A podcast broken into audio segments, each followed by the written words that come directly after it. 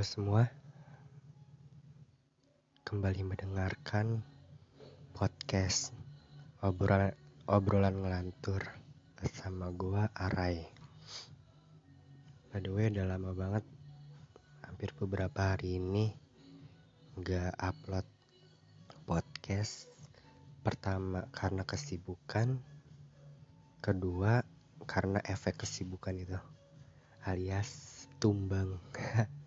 By the way ini gue masih masa-masa pemuli pemulihan. Gue udah dua hari uh, dua hari sakit kalau bisa dibilang sakit. Mungkin kecapean ataupun gimana. Tapi gue nggak mau ngelewatin kesempatan akhir tahun untuk memberikan kata-kata yang mungkin bisa jadi kata-kata penutup di akhir tahun ini untuk melanjutkan tahun baru dengan membuka lembaran baru yang lebih sebenarnya nggak terlalu berekspektasi lebih baik lebih indah gitu ya. Karena nanti pasti setiap jalan tuh pasti ada lika-likunya. Cuman uh, yang penting harus diberikan kesabaran yang ekstra sih. Dan juga selalu diberikan kebahagiaan. Karena seberat apa pun masalah seberat apa pun beban hidup kalau kita bahagia ya semua itu nggak ada artinya. Anyway kalau ada suara-suara pilek dimaklumin ya. Karena benar-benar maksain banget Oke, uh, ngomongin masalah tahun baru ya. Uh, mungkin kayak apa ya? Menurut orang yang gak terlalu mikirin tentang tahun baru atau apa pun, uh, kayak mungkin orang-orang tua di sana mikir kayak ya udah tahun baru sama aja. Kayak ya cuma beda hari cuma sama kayak hari-hari sebelumnya. Jam 00 ganti hari ganti tanggal. Yang bedain cuma ganti tahun ibarat itu doang. Tapi menurut kita kita yang seusia gini momen-momen akhir tahun tuh dijadikan momen akhir dari penderitaan dan awal dari perubahan mungkin.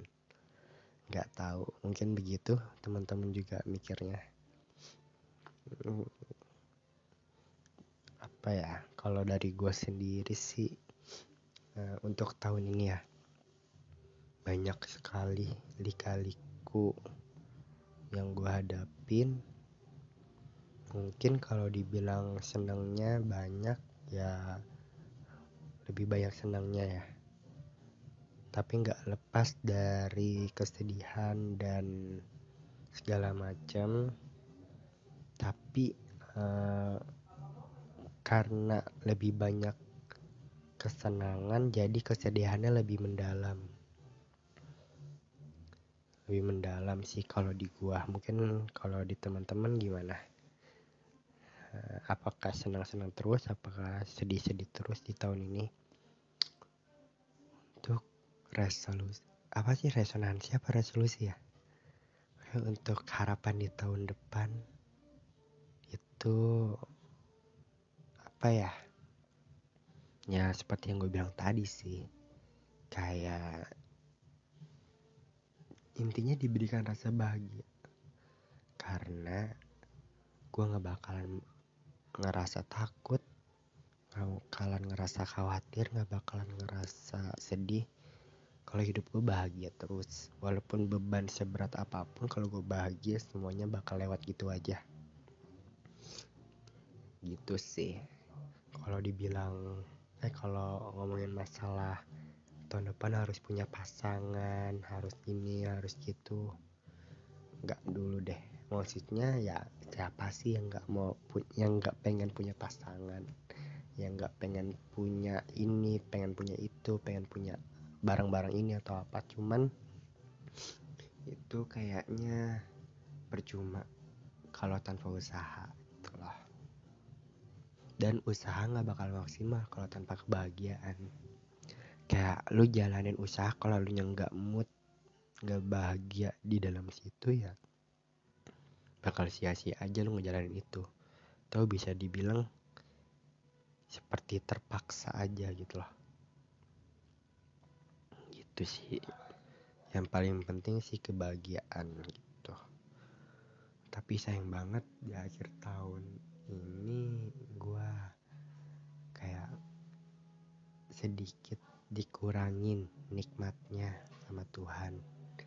Entah kenapa alasannya ibaratnya udah kayak uh, eh, gue pengen nuntasin kebag nuntasin segala macam kesedihan di tahun-tahun ini. Tapi kayak Tuhan ibaratnya di kayak gini loh. Kayak nih tanggung beban lu belum seberapa. Nih gue kasih beban lagi gitu. Kalau dibilang tahun ini ya tahun 2020 tuh eh 2021 ya. 2021 tuh gue udah sakit sakit dua kali. 2020 sakit dua kali 2020 eh 2021 sakit dua kali sama ini dua kali. Terus tahun sebelumnya sakit dua kali juga. Tahun 2020 gue sakit dua kali. Jadi kayak ibaratnya ya apalah. Kayak kayak apa ya? Kayak kayak nggak ada bedanya gitu loh dan beban yang dikasih pun lebih bertambah gitu loh.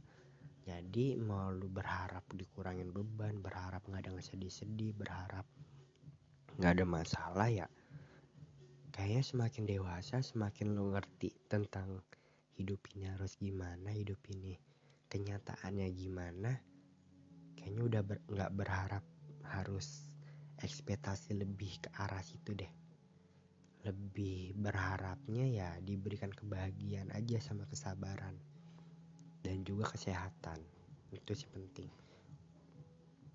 Tapi gue pikir dengan kebahagiaan yang yang bisa lu dapat kayaknya sakit itu bakalan ngejauh deh.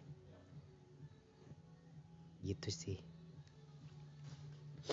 kalau uh, aduh hidung gue gatel banget. Kalau evaluasi ya evaluasi gue di tahun ini ya jangan begitu berharap sama orang lain. Sih kalau oke okay, kita ulas dari segi-segi apa pun ya. Anjay udah kayak apa aja kalau di zodiak kan kayak segi keuangan segi kesehatan segi percintaan dan lain-lain. Oke kita ulas dari segi-segi itu ya biar obrolan obrolannya lebih menarik. By the way lidah gue kayak mati rasa jadi kayak ngomong agak cadel terus Eh, nggak uh, nggak nggak bagus lah artikulasinya. Kalau dari keuangan ya. Gue anak rantau. Jadi gue harus lebih manage keuangan sih untuk tahun depan. Karena gimana ya uh, ibaratnya gue belum punya penghasilan. Masih ngandelin uang orang tua ada sih penghasilan dikit-dikit dari gue main kripto dari nyoba-nyobain invest gitu. Cuman itu nggak nutup banget. Intinya gue harus memaksimalkan uh, manage uang keuangan deh. Kayak mem kayak beli barang-barang yang gue butuhin aja. Intinya kalau kalau kata bang Radit ya uh, hidup minimalis. Kayak lu beli barang yang bakal lu pakai setiap hari uh, barang yang bakal lu butuhin bukan barang yang bakal lu beli lu pakai sekali terus lu pajang. Gitu sih.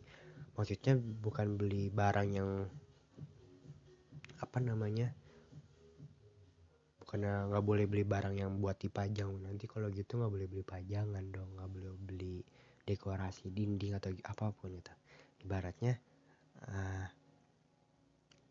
bukan gitu ya kayak lu beli barang yang lu butuhin buat kebutuhan lu gitu. Bukan buat uh, kesenangan lu. Ya betul itu tuh. Beli barang sesuai yang lu butuhin. Bukan sesuai yang lu senang gitu. Tapi boleh sih ada kalanya lu beli barang yang lu yang bikin lu senang.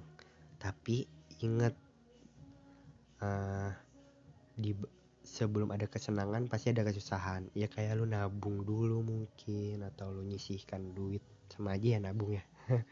Ibaratnya kayak lu kalau lu pengen beli barang-barang yang misalkan pengen lu pakai buat bergaya atau buat kesenangan lu atau buat naikin style lu ya lu beli dengan nabung gitu loh. Nggak usah ngeganggu uang yang lu pakai buat beli barang-barang atau beli atau buat makan atau buat apa. Jadi ibaratnya kan kalau lu uh, ngabisin uang buat beli barang-barang yang lu senang tanpa lu harus berjuang nabung dulu yang pertama kebutuhan lu bakalan keteteran dari lu makan sehari-hari dari lu mungkin jajan atau kebutuhan yang benar-benar lu butuhin banget itu bakal keteteran. Kedua lu bakal ngelakuin hal yang sama terus menerus karena nggak ada perjuangan di sebelumnya gitu loh. Aduh pilek. Karena nggak ada perjuangan sebelumnya gitu. Itu sih. Terus ya nabung juga bukan buat lu beli barang-barang kesenangan gitu loh. Tapi ya biar jadi kebiasaan aja karena mungkin di masa depan hal itu bakal berguna banget. Hal yang namanya nabung tuh ya bakal berguna banget walaupun sekarang ada investasi atau gimana pun ya kan basicnya tetap nabung dong. Basicnya tetap di tabungan itu. Ya sih itu kebiasaan-kebiasaan itu. Walaupun sedikit-sedikit ya ya benar kata pepatah walaupun dikit-dikit lah naon jadi bukit gitu loh. Ini itu sih. Kedua bentar gue minum dulu ya.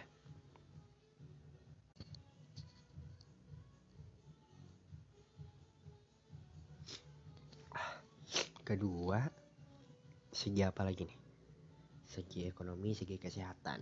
Oke segi kesehatan nah itu tadi uh, menurut segi kesehatan ya sebagai anak rantau tuh sebenarnya masalah makan ya boleh sih lu ngirit lu makan ngirit makan seadanya. Cuman menurut gua uh, gimana ya kadang kala lu harus beri self reward gitu loh buat ke diri lo sendiri atas apa yang sudah lu lakuin gitu.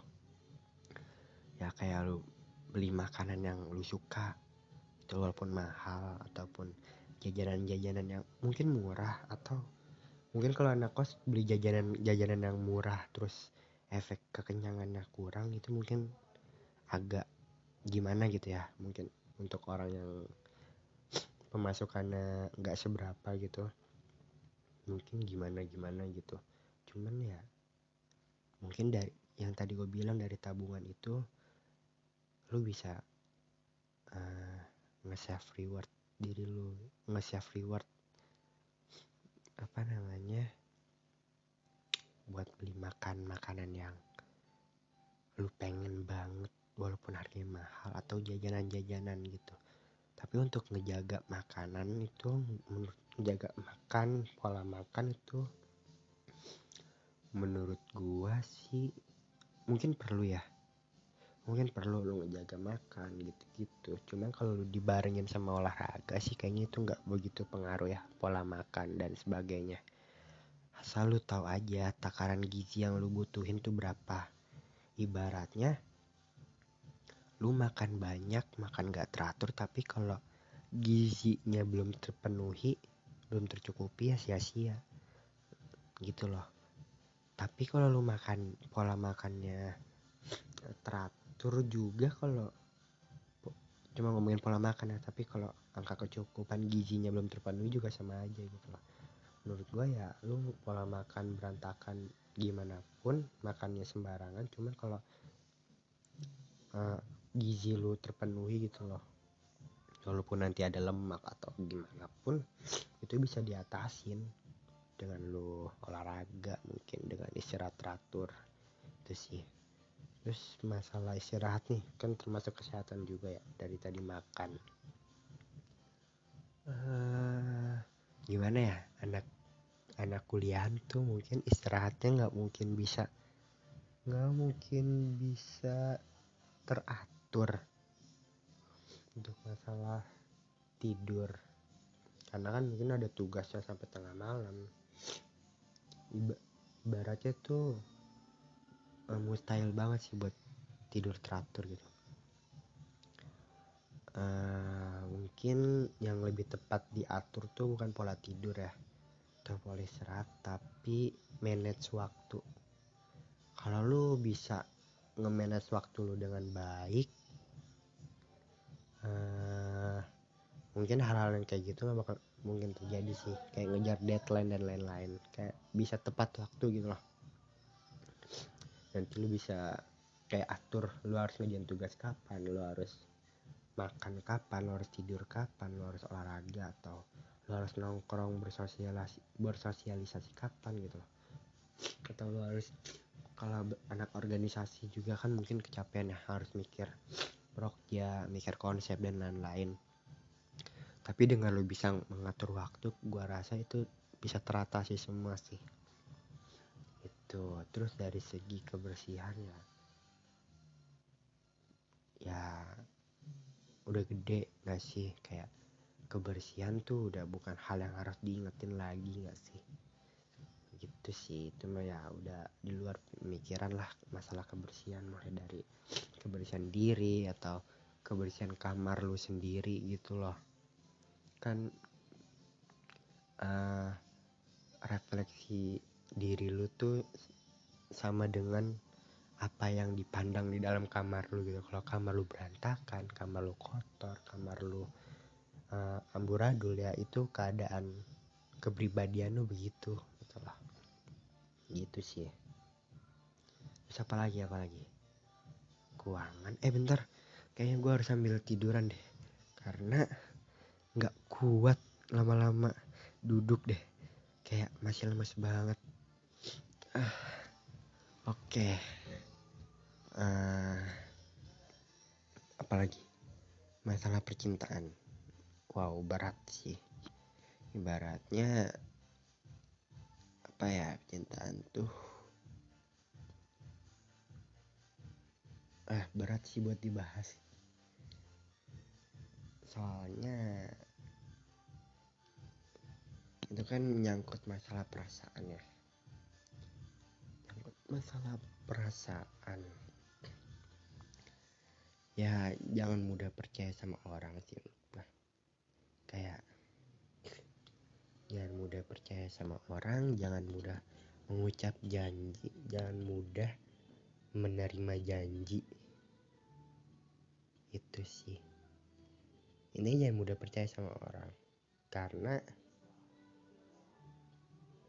sekuat atau seberusaha apa pun lu buat enggak pergi dari seseorang pasti bakalan pisah juga. Kalau dari pengalaman gua tahun ini sih ya lebih banyak nggak lebih banyak sih. Karena kan gue nggak nggak banyak juga. Ya ya lebih sering lebih sering ya lebih sering gue yang ditinggal. Karena apa ya? Harusnya sih gue udah trauma ya dari tahun-tahun sebelumnya sampai tahun sekarang soalnya gue punya punya ketakutan akan sendiri. Punya respect besar atas kenyamanan. Punya ketakutan akan sendiri punya respect besar akan kenyamanan dan paling benci ditinggalin. Itu. Itu yang itu yang bikin gua nggak mau pergi dari seseorang. Gitu loh. Nggak hanya seseorang sih dari teman-teman gue juga. Karena gue mikir ya susah loh dapetin kasih sayang atau cinta seseorang. Entah itu pacar entah itu cewek gebetan entah itu teman-teman ya susah loh. Dan mendapatkan rasa nyaman tuh susah. Makanya gue selalu bilang rasa nyaman itu sangat berharga banget. Nyaman itu berharga banget nggak ternilai. Itu sih. Mungkin harusnya ya karena gue takut kehilangan gue takut sendiri. Oke gini deh. Karena gue takut kehilangan harusnya gue nggak biarkan dengan mudah orang masuk ke dalam hidup gue dan nggak mudah percaya sama orang. Tapi karena gue takut sendiri jadi gue selalu pengen ada yang nemenin jadi gampang banget orang masuk. Bahkan keluar masuk ke dalam hati ke dalam kehidupan gue dalam keseharian gue tuh gampang banget karena gue takut sendiri. Anjir gue ngomong panjang banget gak nafas. Sakit tenggorokan. Bentar-bentar aduh karena apa ya? Harusnya gue sadar gitu loh. Kayak gue gampang nerima orang masuk. Tandanya gue juga gampang ditinggalin oleh orang gitu. Walaupun sekuat apa pun gue nahan-nahan kalau emang dianya emang mau pergi ya pasti bakal pergi. Gitu sih. Gitu sih menurut gua. Intinya buat kalian jangan terlalu percaya sama orang. Aduh badan gua gemetaran semua. Uh, langsung singkat aja ya. Uh, terus apa lagi ya? Udah sih cukup ya. Kesehatan keuangan percintaan. Intinya uh, lupakan kesedihan. Lupakan luka. Lupakan penderitaan. Teruslah melangkah. Dan berikan arti buat hidup kamu gitu loh. Karena Walaupun kamu berhasil menyelesaikan masalah-masalahmu, kamu berhasil membuat hidupmu bahagia. Cuman kalau hidupmu hampa, gak punya arti, gak berprinsip, gak berpegang teguh, ya hidupmu bakal sia-sia gitu loh. Ibaratnya apa ya? Arti itu bagaikan garam, ya gak sih? mungkin gue salah kayak masakan tanpa garam itu kayak ada yang beda gitu mungkin itu sih sekuat apa pun kalian bertahan hidup sekuat apa pun kalian survive sekuat apa pun kalian menyelesaikan semua masalah-masalah sekuat apa pun kalian membuat diri kalian bahagia sampai healing healing bahasanya healing healing ya healing self reward gitu gitu kalau itu nggak memberikan arti buat hidup kalian kalian nggak bakalan maju maju kalian nggak bakalan maju kalian nggak bakalan tumbuh kalian nggak bakalan berkembang. Tidak tidak mengapa membiarkan masalah-masalah itu datang bertubi-tubi. Dan sangat bagus membiarkan rasa kebahagiaan itu datang ke dalam diri kalian dan juga nggak apa-apa hidup kalian dipenuhi dengan rasa kesedihan. Cuman kalian harus bisa memberi arti buat hidup kalian gitu loh. Mungkin dari rasa kebahagiaan kalian kalian mendapatkan pelajaran atau yang paling banyak dari rasa kesedihan dari masalah-masalah kalian mendapatkan pembelajaran. Intinya seberguna apa pun hidup kalian ya memberikan arti buat hidup kalian sendiri gitu loh gak usah mikirin orang lain dulu. Intinya uh, kalian bisa memberikan arti buat diri kalian dulu gitu loh baru kalian bisa ke orang lain. Karena pengalaman gue selama satu tahun ini gue selalu memberikan arti buat orang lain selalu membantu orang lain sampai benar-benar gue jadi jadi orang bego jadi orang goblok ngebantu orang lain dengan mempersulit diri. Ibaratnya orang lain yang gue bantu sih dipermudah tapi gue yang ngebantu tuh mempersulit diri. Akhirnya gue nggak dapat apa-apa.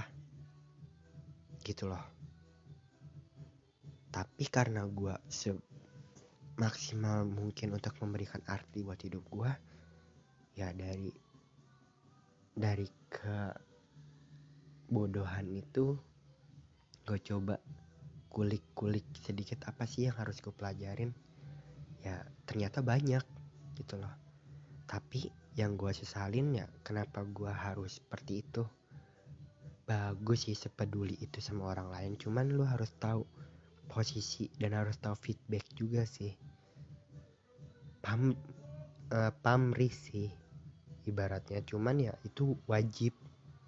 Karena lu juga harus ngasih makan buat diri lu sendiri. Makan bukan masalah bukan maksudnya materi ya. Harus uh, dapat feedbacknya lah ke dalam diri lu sendiri. Gitu loh. Itu sih. Selamat tahun baru semoga di tahun yang akan datang kehidupan mungkin pandemi ya khususnya tergelar reda. Semoga ada konser lagi. Gue pengen banget konser-konser. Nonton konser gue pengen banget. Apalagi nonton konser Salon Seven. Kangen banget. 420 juga. Terus semoga tahun baru eh semoga tahun baru selamat tahun baru mari kita membuka lembaran baru tapi bukan berarti lari dari lembaran lama. Ingat ya. Dan teruslah memberi arti pada hidupmu. Karena hidup yang hampa ya bakalan sia-sia sih. Itu aja pesan dari gua. Oke. Selamat malam mungkin yang bakar-bakar uh, selamat bakar-bakar berkumpul sama keluarga mungkin atau teman-teman uh, hati-hati juga kalau misalkan ada yang di jalan di luar gitu